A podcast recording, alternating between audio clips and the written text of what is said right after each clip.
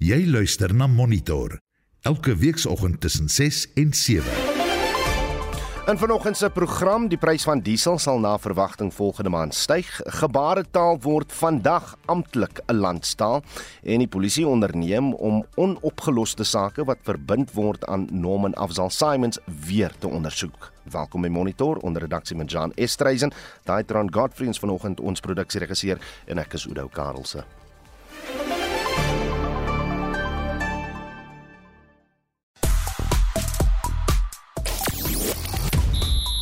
Die Suid-Afrikaner Kevin Anderson se terugkeer na professionele tennis begin met 'n oorwinning. Jonas Vingegaard kry die oorhand in die Tour de France fietstoer en Suid-Afrika by die Afrika Hokkie kwalifikasietoernooi vir die 2024 Olimpiese spele aan. Ek is Shaun Schuster vir RSG Sport. Reg waaroor wil ons vanoggend gesels? Nou, die man wat aangekla is van die moord op 22 seuns op die Kaapse vlakte tussen uh, 1986 en 1994, maar slegs skuldig bevind is aan die moord op 'n tienerjarige word binnekort op parol vrygelaat. Boonop gaan die aanvallers wat uh, Allison Botha in 1994 verkrag en vir dood gelaat het, nou parol kry. Nou wil ons vanoggend weet, hoe dink jy kan die gemeenskap betrek word in die besluit of gevaarlike misdadigers wel op 'n rol vrygelaat moet word. Hoe kan dit gedoen word? Want jy sien hoe uh, die gemeenskap in die Kaap nou uh, sê hulle was nooit geraadpleeg daaroor nie en uh, uh, baie baie talle mense nie tevrede daarmee nie. En is daar omstandighede waaronder jy genade kan toon vir sulke misdadigers? Stuur vir ons gerus 'n SMS na 4588919 R50 per boodskap. Jy kan ook op uh, RSG se Facebookblad bietjie saampraat. Jy luister na Monitor elke weekoggend tussen 6 en 7. Spyne 11 minute oor 6. Die departement van Justisie en Korrektiewe Dienste sê hy maak vordering om samewerking tussen wetstoepassingsagentskappe en entiteite te verbeter. Die minister van Polisie, Bekkie Cele, het met die bekendstelling van die jongste misdaadstatistiek gesê, die gebrek aan goeie kommunikasie lei daartoe dat polisiebeamptes moedeloos en ongemotiveerd word. Celine Merrington doen verslag. Tydens 'n onlangse vergadering van die portefeulje komitee oor polisie het Kelly gesê hulle harde werk om misdadigers te vang word deur die regstelsel ongedaan gemaak. Hy het aan LPS gesê die sake word of uitgegooi, kriminele word ligte vonnisse opgelê of vroeë parol word toegestaan. Dit meen hy lei tot geharde misdadigers wat vinnig weer terug is in die samelewing. We have raised these things before and there was an undertaking to say maybe you need to put the cluster committees all together and call all of us together as a class, especially, especially police, justice, by the way, and correctional service, because we're facing a lot of problem with correctional service, honorable members. When it comes to parolees, there are serious cases, including murders, including rapes, that are done by the parolees. The parallels that would not be discussed with the investigating officer. The investigating officer would not know that that person has been paroled. When you are called again that so and so is doing this thing, the investigating officer will simply say that person is in prison because nobody tells us. Die woordvoerder van die departement van justisie en korrektiewe dienste, Crispin Piri, sê hulle het verskeie maatreëls in plek gestel om die kwessies aan te spreek. And to this end we've seen the program called Integrated Justice System in the Department of Justice and Constitutional Development being implemented. And thus far, the program focuses on three priority areas person management to empower the criminal justice system to identify, verify, track, and where necessary, safeguard all persons moving through the criminal justice system and creating a holistic view of a person, including an accused and a victim. The second priority is case integration to facilitate the digitization of the criminal justice system for efficient and seamless exchange of electronic case information. Maar 'n sekuriteitsontleder aan die Instituut vir Sekuriteitsstudies, Gareth Newham, sê misdaad wat buite beheer is in die land is eintlik 'n gevolg van swak polisieering eerder as die reg en korrektiewe stelsels. I don't think that's the main reason why we're seeing the, the, crime, the crime problem in South Africa. What I'd really like to hear the Minister of Police saying is what are we doing to ensure that we improve the capability of the South African Police Service? For example, between 2012 and 2022, the ability of the police to solve murders dropped by 55%. So in 2012, the police were able to solve 31% of the murder dockets that they opened. Last year, they could only solve just over 14% of the murder dockets that they opened. So, in other words, in about 85% of the murder dockets opened last year, the suspects were not arrested and are got away scot free to continue committing crimes. Now, that's the main reason for the 62% increase in the numbers of murders in this country since 2012, every single year. Dit was Gareth Newham, 'n sekuriteitsontleder by die Instituut vir Sekuriteitsstudies. Zelin Merrington, Parlement. Daar word voorspel dat die brandstofpryse in Augustus verhoog gaan word. Vir meer hieroor praat ons nou met 'n landbouekonoom van FNB, Dawie Marie. Dawie, goeiemôre. Goeiemôre Oudo. Hoekom is die oliepryse so hoog en die wisselkoers so swak? Oudo, gelukkig het die wisselkoers die laaste paar dae daarom so 'n bietjie versterk. So dalk is die dalk gaan die onderverhaling op op diesel bietjie minder wees as wat ehm um, verlede week verwag is. So daar is daarom so 'n bietjie hoop. Baie gaan natuurlik afhang van wat in die volgende 2 weke gebeur. Ek dink die die die kwessie met die oliepryse is altyd 'n moeilike een. Hmm daar was aanvanklik gedink dat uh, China se groei gaan aansienlik beter wees. Maar ons het vroeër gesien dat daardie syfer ook uh weet laer as verwagting ingekom het. So ons kan kon onmiddellik sien dat die oliepryse daarop gereageer het en hy verander nou hier in die omgewing van so 78 dollar per vat nou vir die laaste paar dae. So as dit konstant bly en die wisselkoers kan kan verder versterk en verder onder die die 18 rand per dollar vlak inbeweeg, dan behoort ons daarom so 'n bietjie beter nuus te kry. Maar ongelukkig op diesel gaan die oorverhaling nog steeds te groot wees om in die laaste 2 weke in te haal. Ek het nou net gevra toe die petrolprys verlede maand afgeneem het, was daar nie dieselfde verrigting vir die diesel verbruikers in Suid-Afrika nie. Volgende maand begin boere om die plantseisoen voor te berei. Hoe gaan dit hulle insetkoste raak, Dawie? Ja, ongelukkig raak dit nou direk boere se insetkoste. Ehm uh, weet dit gaan nou twee op die volgende maande wees wat die wat die dieselprys gaan styg. Uh so ons boere se winsgewendheid gaan onder druk kom. Ehm um, en en selfs nou terwyl uh, met 'n groot gedeelte van die westelike somergraangebiede is nog steeds besig om te oes. So selfs in daardie gebiede is al klaar uh, druk op hulle op hulle insetkoste aan die ander kant natuurlik ook die vervoerkoste komponent wat wat die wat die sekondêre effek is op insette wat ehm um, weet van die van die fabriek na die plaas vervoer moet word. Sien ons dat sodra daar 'n dieselprysstygings is dan styg daardie daardie insetkoste soos kunsmis en saad en en daai tipe goed hmm. se vervoerkoste styg onmiddellik. Uh en dit het natuurlik 'n verdere negatiewe effek. As jy die minister van finansies is, wanneer watter tydstip begin jy nou weer kyk na heffings en of jy bietjie verligting kan bring? Ja, ongelukkig die minister kan dit gewoonlik op heffings kan hy dit net eenmal 'n jaar doen en dis tydens begrotingstyd. Ehm um, en ons weet dat uh, wie daardie heffings, daardie belastinggedeeltes van brandstof is eintlik aansienlik meer as wat dit in in ander dele van die wêreld is.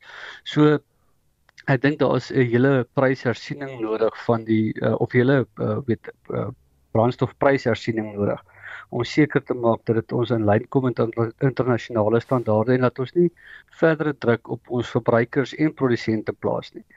Nou produsente het daarom die voordeel dat hulle nog 'n uh, 'n matige dieselrabat kry hmm.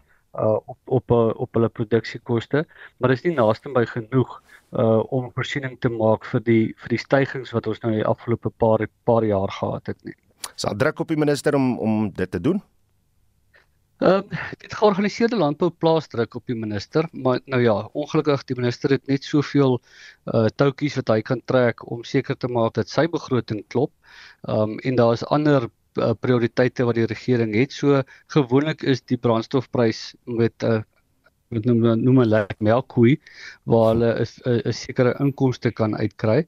Uh so dit is dit is ongelukkig een van die maatstawwe wat hulle gebruik. Uh baie keer in, in ons mening dalk onregverdig ook. Uh, maar ja, ongelukkig is dit nou een van daardie goed. Uh en en produsente dis soos geadministreerde pryse. Produsente en die verbruiker is prysnemers. Dis nie asof ons kan meedinge sê maar omdat ons meer diesel koop moet ons minder betaal of meer petrol ingooi moet ons minder betaal nie. Ehm um, en verder is dit jy weet dis 'n 'n nie diskresionêre uitgawe. Uh ongeag wat jy doen in jou produksieproses of of om werk toe te ry, jy moet brandstof ingooi. Ehm um, weet jy kan nie sê jy gaan nou minder werk toe ry nie of jy gaan minder produseer noodwendig nie.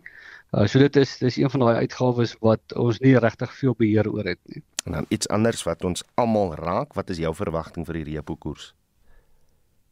Uh Udo, ek dink ons gaan ons gaan as alles goed gaan behoort ons hierdie keer uh uh weet hou te hê wat daar nie 'n verhoging gaan wees nie. Ehm um, daar is sprake dat Amerika dalk volgende week nog 'n 25 basispunte kan verhoog. Maar as jy mens gaan kyk na die inflasie verwagtinge vir die res van die wêreld uh en selfs plaaslik ook, dan behoort uh, die Reservebank daarom uh, nou uh op weet op ophou te wees en en nie 'n verdere verhoging aan te kondig nie. En dit was Dawie Maria, landbouekonoom van FNB. President Cyril Ramaphosa sal vanmiddag wetgewing tydens 'n spesiale seremonie by die Unie gebou in Pretoria onderteken wat Suid-Afrikaanse gebaretaal as 'n amptelike landstaal verklaar. Die nasionale vergadering het in Mei 'n wysiging aan artikel 6 van die grondwet goedgekeur om die stap moontlik te maak. Vir sy mening praat ons nou met professor Theodorus Du Plessis van die Departement vir Suid-Afrikaanse Gebaretaal en Dowe Studies verbonde aan die Universiteit van die Vrystaat. Prof, goeiemôre. Goeiemôre Oudo. Wat beteken dit regtig vir die land om gebaretaal as 'n amptelike landstaal te hê? Wel, uh tegnies is ons die eerste land in die wêreld wat sy gebaretaal in die land se grondwet erken. Uh en dan is ons net die sewende land in die wêreld wat dit 'n amptelike taal maak. So uh in daai opsig is dit 'n prestasie uh op internasionale vlak wat die land self betref uh dink ek is dit waarskynlik hoofsaaklik 'n baie belangrike simboliese gebaar aan die baie klein dowe gemeenskap hmm. wat uh van 495 af al versoek het dat die taal amptelik word. Reg, hoe moet die regering nou inklusiwiteit van gebaretaal bewerkstellig in Suid-Afrika?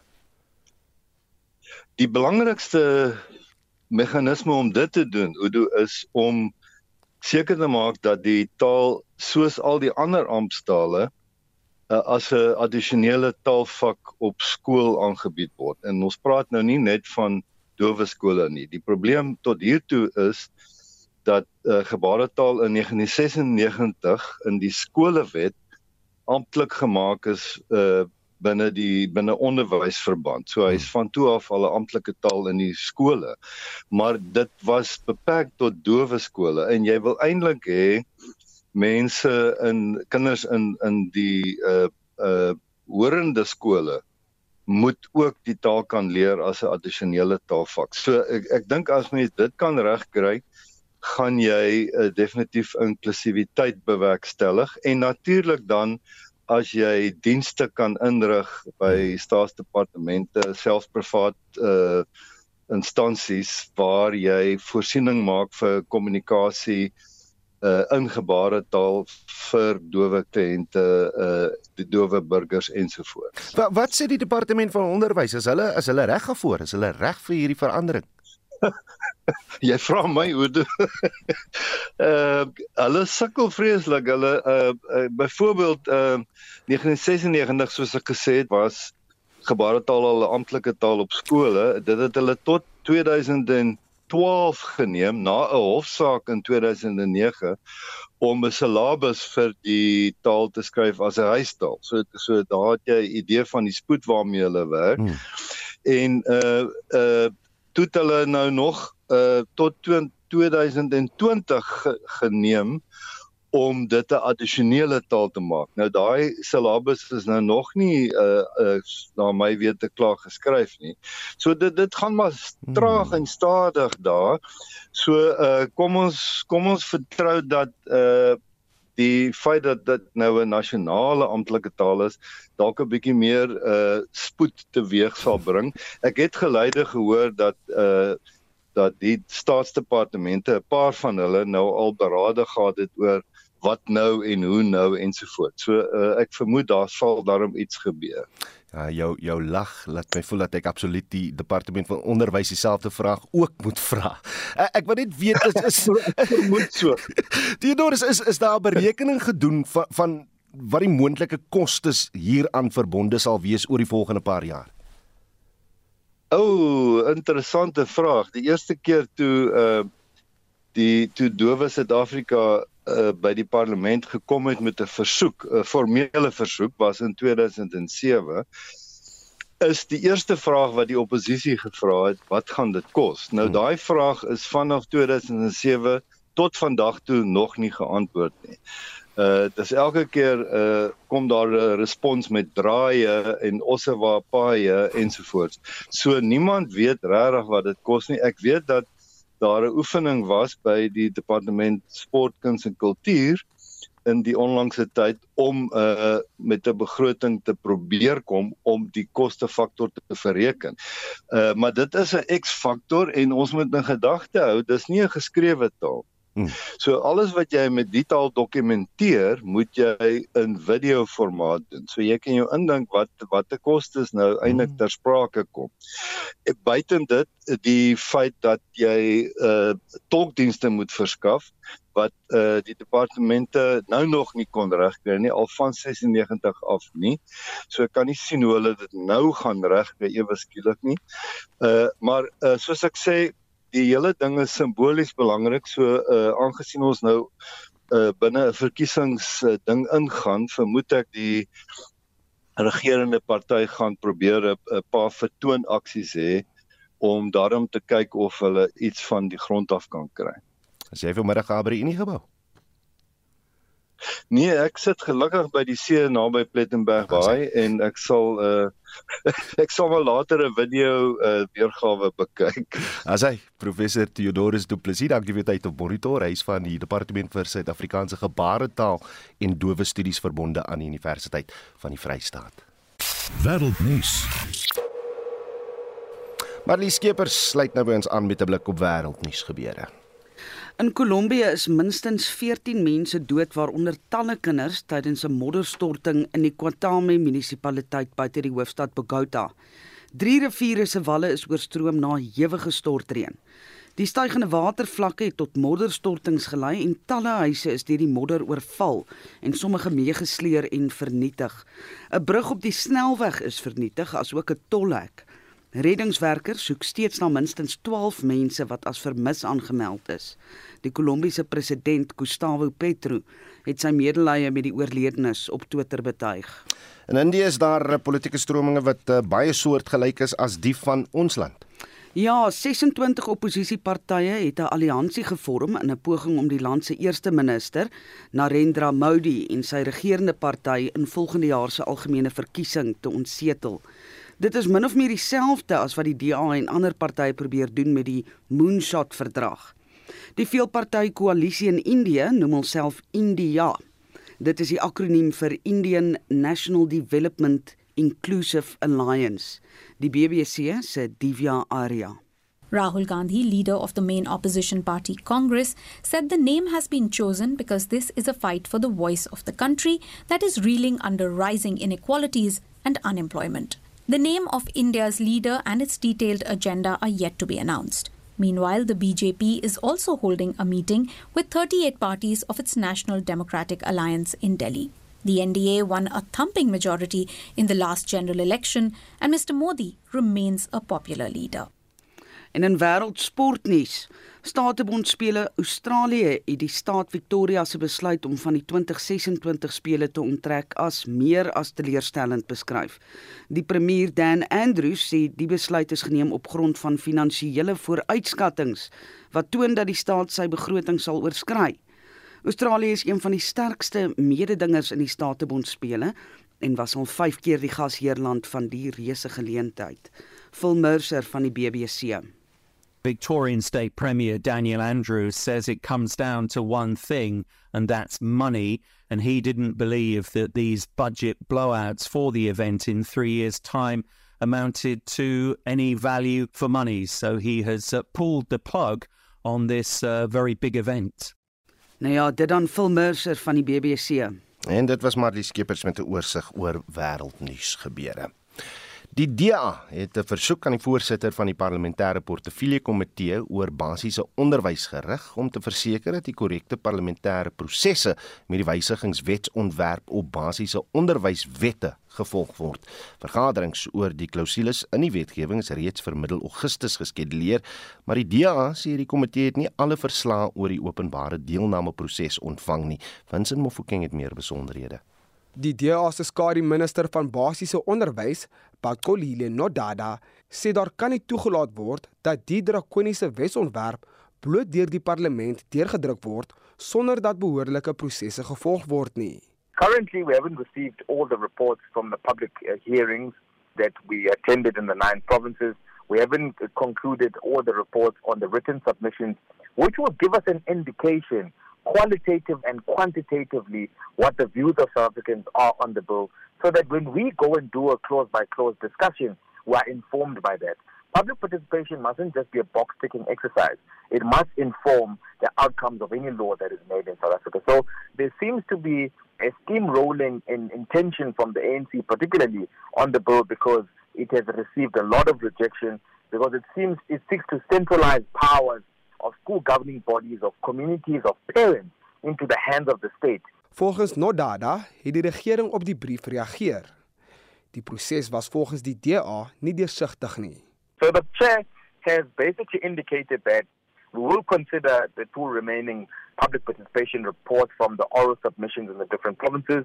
There has been no indication whether we will consider the written submissions as has been submitted by the 15th of August in the previous year already by uh, South Africans as well as the written submissions we've been collecting throughout the nine provinces because the majority of those submissions indicate a rejection of the bill and so do the public hearings uh, indicate that. So I did respond to the chair on her letter again today and I said that the clause by clause process can't happen until such a time we receive all the oral and written reports Dit is volgens Nodara duidelik dat die Bella wetsontwerp in sy bestaande vorm die voorsiening van gehalte basiese onderwys net verder sal knou. The Department of Basic Education must submit their comments based on the outcomes of the report of the public participation process and indicate if there's any changes that they need to make, but also inform us how the bill will be funded. And lastly, in terms of dealing with, with this, we can only jump to a clause by clause discussion until National Treasury is able to confirm that this thing will be funded thoroughly and how that will go about. So it's very important for us to guard against any flouting of the process because it can be challenged later on. And as legislators, we need to make informed decisions based on that information, based on due process, so that we do justice to the parents, communities, and South Africans that have made their voices heard about the basic education laws amendment bill.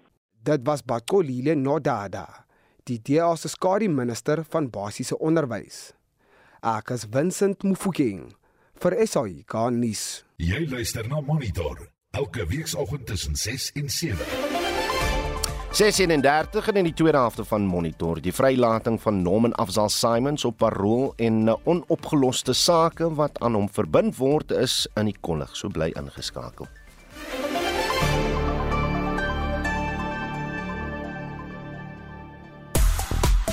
En so daarvan gepraat die man wat aangekla is van die moord op 22 seuns op die Kaapse vlakte. Dis nou tussen 1986 en 1994, maar slegs skuldig bevind is aan 'n moord op 'n tienerjarige word binnekort 'n parol vrygelaat. Boonop gaan die aanvallers wat Allison Botha in 1994 verkrag en verdoodgelaat het, nou ook parol kry. Nou wil ons weet, hoe dink jy kan die gemeenskap betrek word in die besluit oor of gevaarlike misdadigers wel op parol vrygelaat moet word. En is daar genade vir sulke misdadigers? Ek sal van julle terugvoer inwerk met ons kenners vanoggend, maar stuur gerus nog van julle boodskappe, julle SMS'e deur na 45889. Dit kos jou R1.50 per boodskap. Jy kan ook lekker op RSG se Facebookblad saampraat. Tyd vir die jongste sportnuus met Shaun Jooste môre, Shaun. Goeiemôre Oudo. Nou ons kyk vanoggend na die uh, of van die grootste hooftrekke en jy het vir ons ook nuus oor die Suid-Afrikaner Kevin Anderson se terugkeer na professionele tennis. Daar's bietjie cricket, ons ook fietsry en hokkie. Ja, Anderson wat nommer 5 op die ATP ranglys behaal het voor sy uittrede en Gabriel Diallo van Kanada gister in die eerste ronde van die Newport 250 toernooi in die VSA met 6-3 en 6-2 uitoorlê. Nou op die cricketveld begin die vierde asse toets tussen Engeland en Australië vanmiddag 12:00 op Old Trafford en nou die Aussies loop 2-1 voor so dit is nog 'n moedwen toets vir die tuisspan. Dan in die eerste toets tussen Sri Lanka en Pakistan begin die tuisspan dag 4 op 14 sonder verlies in hulle tweede beurt nog 'n uh, agterstand van 135 lopies is in, in vergelyking met Pakistan se 461 in hulle eerste beurt. By die Tour de France fietstoer het Jonas Vingegaard van Denemarke sy voorsprong oor Tadej Pogačar van Slovenië na minuut 48 sekondes gereg na sy oorwinning in gister se tydtoets. Daar is 5 skofte oor en Pretoria sal die Olimpiese kwalifiseringstoernooi vir 8 mans en 8 vroue hokkiespanne van Afrika tussen 29 Oktober en 5 November aanbied. Onthou die wenners versekerde plek in Parys 2024. Nou die wêreldgimnastrade is 'n nie mededingende gimnastieke byeenkoms en vind vanjaar in Amsterdam in Nederland van 30 Julie tot 5 Augustus plaas. Nou die Suid-Afrikaanse span bestaan uit 162 gimnaste afkomstig van 6 verskillende streke in Suid-Afrika en ouderdomme wissel tussen 7 en 70 jaar oud. Ons praat nou met Anet Nel, afrigter by een van die Wes-Kaap klubs. Goeiemôre Anet. Goeiemôre. Ek sien die span bevat 98 leerlinge met baie van hulle wat vir die eerste keer op 'n vliegtyg gaan klim. Dit moet nog al 'n storie wees om als gereeld te kry, né? Dit is nogal so ja, vir al die kleintjies en groot opgewondenheid, maar kan ook vir jou sê daar is 'n mamma wat saamgaan wat vir die eerste keer na lewe vlieg. So dit is baie lekker vir almal. Lieflik. Anet Shaw hierso, ek moet by jou hoor, uh, jy het ook vir 'n groot deel afsonderlik geoefen. Nou het jy verskeie streke en provinsies naby mekaar gekom om saam te oefen of sal dit eers gebeur as jy in Nederland gevestig is? Ehm um, Shaun, ons het nie 'n massa item nie. So ons kom nie by mekaar nie. Ons doen ons eie items want ons neem binne in die saal deel kyk die massa item is buitekant in die Olimpiese stadion. En dit is dan as ehm um, almal saam deelneem. Ons het nie so 'n item nie. Ons is net vir binne in die saal. So met ander woorde, Weskaap, ehm um, KwaZulu-Natal, Oos-Kaap, uh, Vrystaat wat saam met Noord-Kaap is, hulle doen ons doen almal binne in die Raai kompleks hmm. in ehm um, Amsterdam deel. En net wanneer vertrek die span en uh, wat sal vir julle 'n uh, aanduiding wees van 'n suksesvolle gimnastrade? Ons vertrek almal verskillende tye omdat dit jou eie geld is wat betaal. Het party van die mense besluit om 'n bietjie vakansie daarvan te maak ook. So met ander woorde, hulle begin al van Vrydag af, hierdie week Vrydag, hmm. begin hulle al reis Amsterdam toe. So hulle gaan waar hulle wil gaan en dan almal ontmoet aan die 29ste in uh, Amsterdam op die lughawe weer sodat die ehm um, die mense daar wat dit organiseer vir ons kan kom haal en na ons blyplek toe kan neem. Ek wens julle alles van die beste toe Anet. Ons sal dit daar moet los. Alles van die beste vir die span. Ons sal opvolg met julle na die gimnastrade, maar dit was aan Anet Nal wat betrokke is by die Suid-Afrikaanse span vir die opkomende gimnastrade wat oor 11 uh, dae in Amsterdam begin. Jy luister na Monitor elke weekoggend tussen 6 en 7. Die Wes-Kaapse polisie het bevestig dat die 21 onopgeloste moordsake wat verbind word aan die sogenaamde stasie moordenaar voor die einde van hierdie week na sy eenheid vir die tipe sake oorgeplaas gaan word om later weer geondersoek te word. Die vorige onderwyser in Mitchells Plain, Norman Afzal Simons, sal binnekort op parol vrygelaat word. Simons is gefonnis vir een van die 22 moorde op seuns tussen 1986 en 1994 op die Kaapse vlakte. Mitsi van der Merwe het meer besonderhede.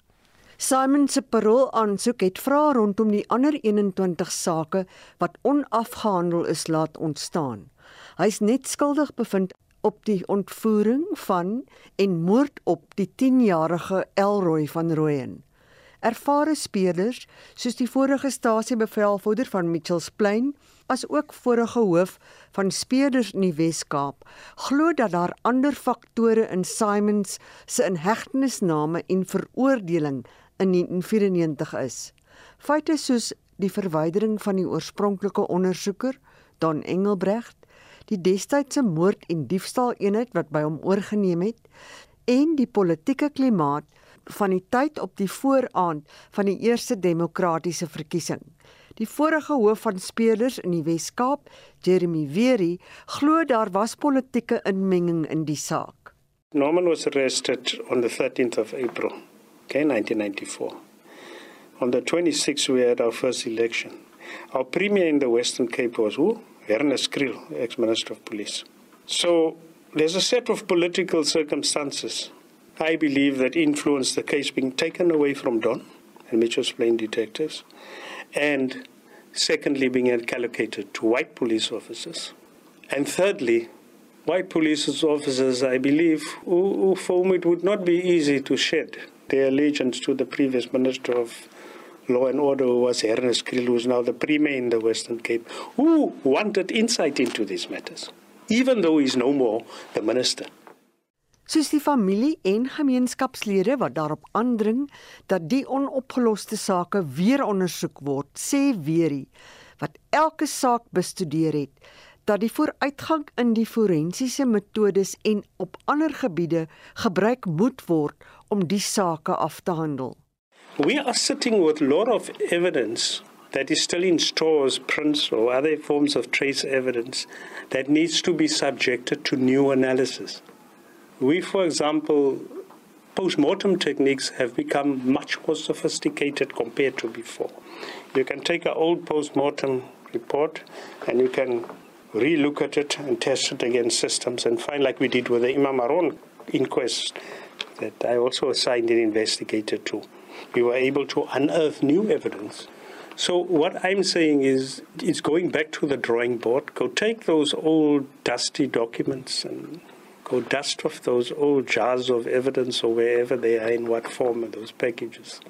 Rework them and retest them through technology. Then at least we can say we made an effort. Die Wes-Kaapse polisie het bevestig dat sy eenheid wat onopgeloste sake hanteer, die sake sal oorneem. Die adjunk provinsiale kommissaris vir misdaadopsporing, Bongani Makashalala, The cases were dealt with by investigative psychology unit, so they, there was assistance from Pretoria, but I've made arrangements that they will be taken over by the cold case in conjunction with SECI, which is a serial and electronic crime investigation, which deals with the investigation of the serial rapist and the serial killers. Simon sal na verwagting in die Parow gebied woon nadat hy op parol vrygelaat is, waar tydens hy onder 24 uur huisarrest sal wees. Hy sal geen kontak met kinders toegelaat word nie en mag nie met die media praat nie. Makashalala sê 'n dossier sal later die week afgelewer word. Before the end of this week, the docket will be delivered. I've already made those arrangements. So, because there are changes in laws and there is also evolution in investigation techniques. So, because these are very old matters. So, we hope that we can do something. 'n gemeenskapsvergadering oor Simon se parol is gisteraan deur die departement van korrektiewe dienste by die Parow Burgersentrum gehou. Vanessa Puna het hierdie verslag saamgestel. Mitsi van der Merwe, SAK nuus. Ons bly nou by die onderwerp en waarsku dat die volgende gesprek dalk inhoud kan bevat wat sensitiewe luisteraars mag ontstel. Norman Afsal Simon sal na verwagting hierdie week uit die Drakensberg gevangenis in die Parel op parol vrygelaat word na hy byna 28 jaar toegesluit was. Ons praat nou met die voorsitter van die Mitchells Plain Gemeenskapspolisieeringsforum, Norman Jantjies. Norman, goeiemôre. Goeiemôre en goeiemôre vir die luisteraars. Wat is julle gemeenskapspolisieeringsforum se standpunt oor die vrylating van Norman Simons? Kyk, on, ons standpunt is uh dat dat Norman was uh, skuldig bevind aan een moord en hy het byna 28 jaar uitgedien. So ons voel uh dit is sy reg om, om ontslaan te word en ek dink die korrektiewe dienste kan ook nie vir hom langer hou nie want hy sê sy sy sy sy sentence uitgedien. Hmm. So on, ons voel hy moet ontslaan word, ons support dit. Maar obviously met met baie strict conditions ja. So jy het destyds gehelp om van die vermoorde kinders te help opgrawe. Kom ons begin miskien net daar. Hoeveel van hierdie ondervindinge spook nog by jou? Wat onthou jy nog van hy tyd? Ja, kyk, eh, die die hele gemeenskap was was was traumatized. Uh ons het op 'n daglikse basis in die bos gegaan met grawe en pikke en en om om te soek vir vir vir liggame en ook vir die die die perpetrator, you know. Hmm. En ek ek weet dit was moeilik selfs vir vir vir iemand met sy om met sy klein seun te loop in die pad. Dan het mense suspek hy's 'n uh, station stranglers so baie mense was al amper gelynch you know mm, mm. so dit was was baie traumaties en en terselfdertyd ehm um, het ek ook persoonlike kontak met Norman gehad van hy het kosa lessons aangebied daar by by die sentrum waar ek gewerk het so hy was 'n gesiene onderwyser hy was nog redelik jonk mm, mm. en het met kinders oor die weg gekom en hy was altyd baie netjies en En ek ek weet nie ek kan nie bevestig nie maar daar's mense wat sê dat hy selfs saam met ons soms vir liggame gesoek het in die in in die bosse daar ja. Hmm. Herinner ons net weer Simons is uiteindelik tronk toe soos jy nou gesê het vir die moord op uh, Alroy van Rooyen. Watter bewyse het het hom aan die moord verbind? Kyk, ek is nou nie 'n uh, polisiebeampte ja, nie. Natuurlik. So ek kan nie ek kan nou nie presies sê uh, wat was gelink nie al wat ek weet die die die die justisie het vir hom skuldig bevind aan die een hof hy nou skuldig was of nie my was skuldig bevind en uh, ek weet daar was 'n appeal van sy kant af en ongelukkig het hy nou nie succeed nie want hy het aanvanklik 25 jaar straf gekry hmm. Wat wat beteken hy sou na 12 jaar uitgekom het maar sy appeal uh, het gefaal en op die, uh, toe hy toe uh, lewenslange gevangenis gekry. Hmm. So ehm um, so so of ek weet hy was skuldig bevind of hy nou skuldig was of of nie, ek kan nou nie sê nie. Mm, mm. En ek weet nie op watter uh, uh, tegniese redes hy is nou skuldig bevind het nie. Was jy enigsins in verbinding met hom terwyl hy sy vonnis uitgedien het? Ek het net een keer, ek het op die gevangenisraad gedien. Hmm. So ons het die verskeie gevangenisse ge uh, besoek en destyds het ek vir Paulsmoor besoek en toe terwyl ek nou in een van die gange afstap toe sien ek kom ryk uh, loop ek nou verby sy sel en uh, sy selle was was verskriklik netjies en uh, hy was besig daar en ek het hom gevra en hy was alleen in 'n sel. Hoe gaan dit en so voorts? En dit praat nou van baie jare gelede en en wat hy my gesê het hy uh, hy help ander gevangenes om om om om om briewe te skryf en het ook die ge, uh, die uh, die bewaarders gehelp met computer skills. Mm. Computers was maar relatively neat. So hy het hulle ouens gehelp met uh, computer skills ja, in die gevangenis. En destyds en in hierdie kommunikasie het hy maar altyd wat sy sê onskuld uh, gepleit of hoe? hy het, hy het altyd sy onskuld gepleit ja. So ek ek ek ek het dit bespreek nie want want kyk ek is nie 'n polisiebeampte of 'n lawyer of ja, ietsie. Ja, ja, verstaan. So ek het my net aanvaar die hof het 'n besluit geneem en ek het net gesê hy moet die beste daarvan maak en hmm. En en en nog altyd eendag uitkom en sy contribution maak in die gemeenskap. Die die feit dat jy op die gevangenisraad gedien het of nog steeds dien, uh, sit jou in 'n posisie waar jy vir ons insig kan gee oor of iemand soos Norman Simons gere gerehabiliteer is. Dis 'n moeilike ietsie want uh, kyk, ehm um, daar's nou obviously uh, maskapte werkers en psychologists wat met hom gewerk het. So ek het nou nie toegang en ek dien nie meer op daai raad nie. Mm, mm. En ehm um, ek het die toegang tot hy leers nie. Maar die die, die feit dat hy nou uh ehm um, onskuldig bepleit gepleit het en en uh nog altyd uh, onskuldig pleit. Ehm um, kan ek nou nie sê of hy's gerehabiliteer nie hmm. want want daar's nog selfs vroue oor was hy nou rede skuldig of te nie, you know. So ek ek kan nie daai vraag beantwoord of hy gerehabiliteer is nie ek glo net dat hy ehm um, dat hy 'n uh, 'n contribution kan maak in die gemeenskap. Maar ek is ook uh, baie bekommerd oor die uh, die gemeenskap is is is ook bekommerd want kom ek vra jou as hulle sê as dit nou wel hy is uh. dan is hy nou terug in die gemeenskap en hy kan nog altyd weer gevare nou. Indien net hy was nie dan moet ons uitvind wie wie eintlik die die perpetrators was, you know? Wel ek sien daar's nou deur die polisie uh, uh, uh gaan nou weer begin ondersoek, maar kom ek vra jou, dink jy en en hy gaan nou in Parow woonagtig wees. Dit was 'n groot trauma vir die vir die Kaapse vlakte vir die mense spesifiek van Mitchells Plain. Dink jy hy gaan veilig wees in die gemeenskap waar hy woonagtig gaan wees? Ek voel hy gaan veilig wees, you know. Uh, ek as ek dink ons moet net uh, logies daaroor dink. Hmm. Hy uh, op 'n daglikse basis word baie gevaarlike uh, uh, mense ontslaan in ons gemeenskap, mense wat uh, uh, bendelede is, mense mense wat baie moorde gepleeg het. So op 'n daglikse basis word hy mense ontslaan in die gemeenskap. So ons moet van hom ook 'n kans gee uh, obviously met conditions en ek ek glo dat hy okay gaan wees. Ek dink die gemeenskap sal goed voel as die sake weer geheropen word sodat hulle kan closure kry. Hmm. Want ons kan nie vernomens uh, uh, blame vir daai murders nie tensy hy skuldig bevind is. So ek is baie bly om te hoor dat die polisie daai sake weer gaan oopmaak dat ons 'n proper investigation kan doen. As dit Norman is, dan moet hy skuldig bevind word. Indien dit iemand anders is, dan moet hy perpetrator skry.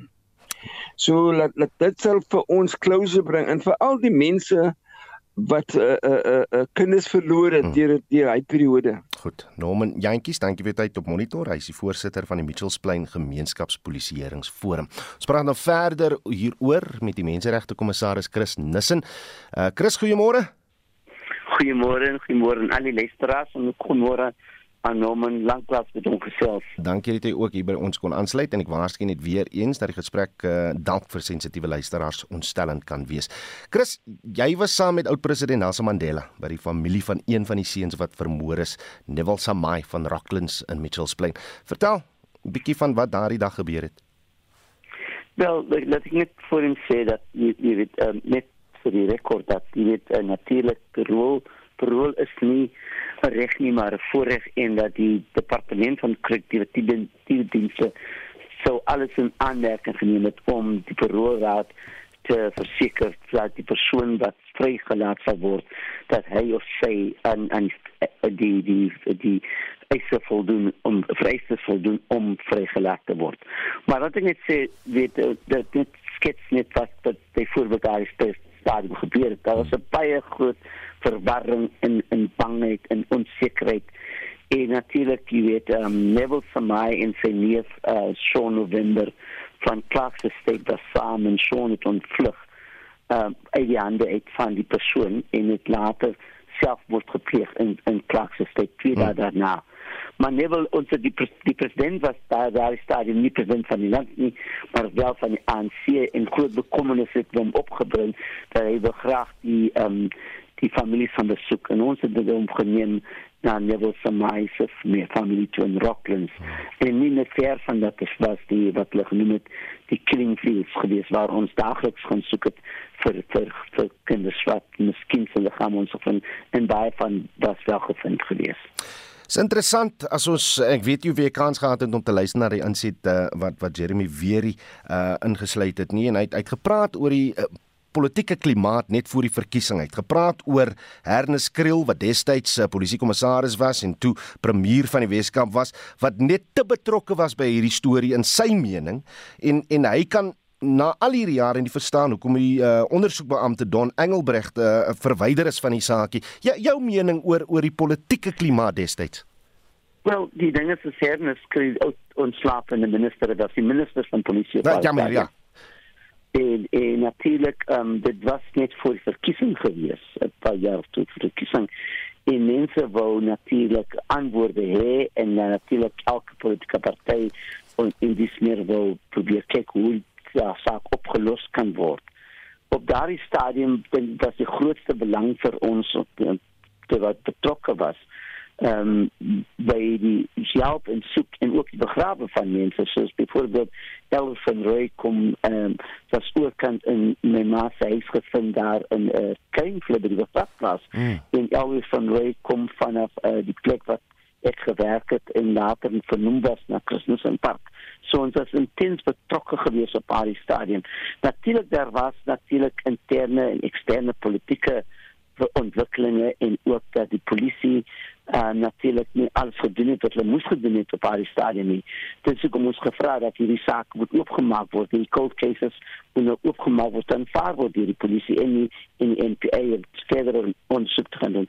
Natuurlik was daar politieke verwikkelinge gewees en mense wil graag hê daar moet nou 'n uh, persoon wees wat wat besoek gevangen wees sodat daar kan in kan kan wees dat daar is um, sukses in ondersoek maar aan einde van die dag sit ons met een persoon wat vir een ding aangekla was hmm. en daar's nog meer as 20 mense, 20 kinders wie uh die die die die perpetrators in gevang was nie of of dieselfde of nie maar daar was geen bewys op baie stadium nie. Chris, jy's 'n Weskapenaar, ek's 'n Weskapenaar, elke Weskapenaar het 'n mening oor Norman Afzal Simons. Wat is jou mening oor Norman Afzal Simons? dit is baie moeilik vir my as 'n individu hmm. uh, want ek het nog genoem ek het van die kommissie so ek kan hmm. sê die kommissie se ding is dat dat dat die kommissie se posisie is dat die persoon moet moet moet 'n uh, uh, met 'n kans gee word maar die wet maar die superroolraad en die departement van korrektiewe dienste waar hy besluit met die manier reg gedoen die gemeenskap te vertenaak te te te te, te raadpleeg en dit was sonderdag gebeur het in die familie van Elroy en van die gemeenskap op Betika Mitchell Spring was ook daar. Maar kom ek sê die volgende. Hmm. En as ek sê, sê ons almal van die Kaap ons is van Suid-Afrika van die Kaap maar sê ek sê die volgende. Dit ons sit in 'n situasie dat die ding het nou al meer as 30 jaar gebeur. Ja. Hierdie gebeurtenis. Mense skrik net wakker wanneer dit kom dit soos byvoorbeeld in 'n vrygelaat word. Nou wil ons almal almal ons mening gee. Daar is nie eens gedenkteken opgerig in Mitchells Plain vir hierdie vir die kinders wat hmm. doodgemaak is nie. Daar was nie eens oor die jare gedink om te sê kom ons roep die families bymekaar nie. Jy sal onthou dat so 'n paar jaar gelede was daar die ehm um, die treinongeluk by Bitskop daar in hmm. Blackleaf. Hmm. En daar is uh, daar so oprigting van 'n uh, eh, uh, eh, gedenktekeninge by die by die by die ehm um, eerste rivier Dalmoed begrafplaas is daar gedenktekeninge dat hierdie kinders wat ons herinner ons wat daar elke dag moet byre of gaan ons herinner dat daar iets gebeur. Das nerns in die Kaap wat ons wat ons wat ons kan herinner aan wat gebeur het en ook so dan vir ons te help om te sê kom ons verhoed dat hierdie dinge gebeur teen ons kinders te kyk. Tweedens. Ja. Jy, jy weet ons is gou om wanneer ek sien dit daagliks in die gemeenskap. Ons is gou om wanneer dit my kind is wat betrokke is by iets wil ek hê hy of sy moet borg tog kry. Want dit iemand anders se kind is dan sê nee, hy moet die borg tog kry nie. Jy verstaan.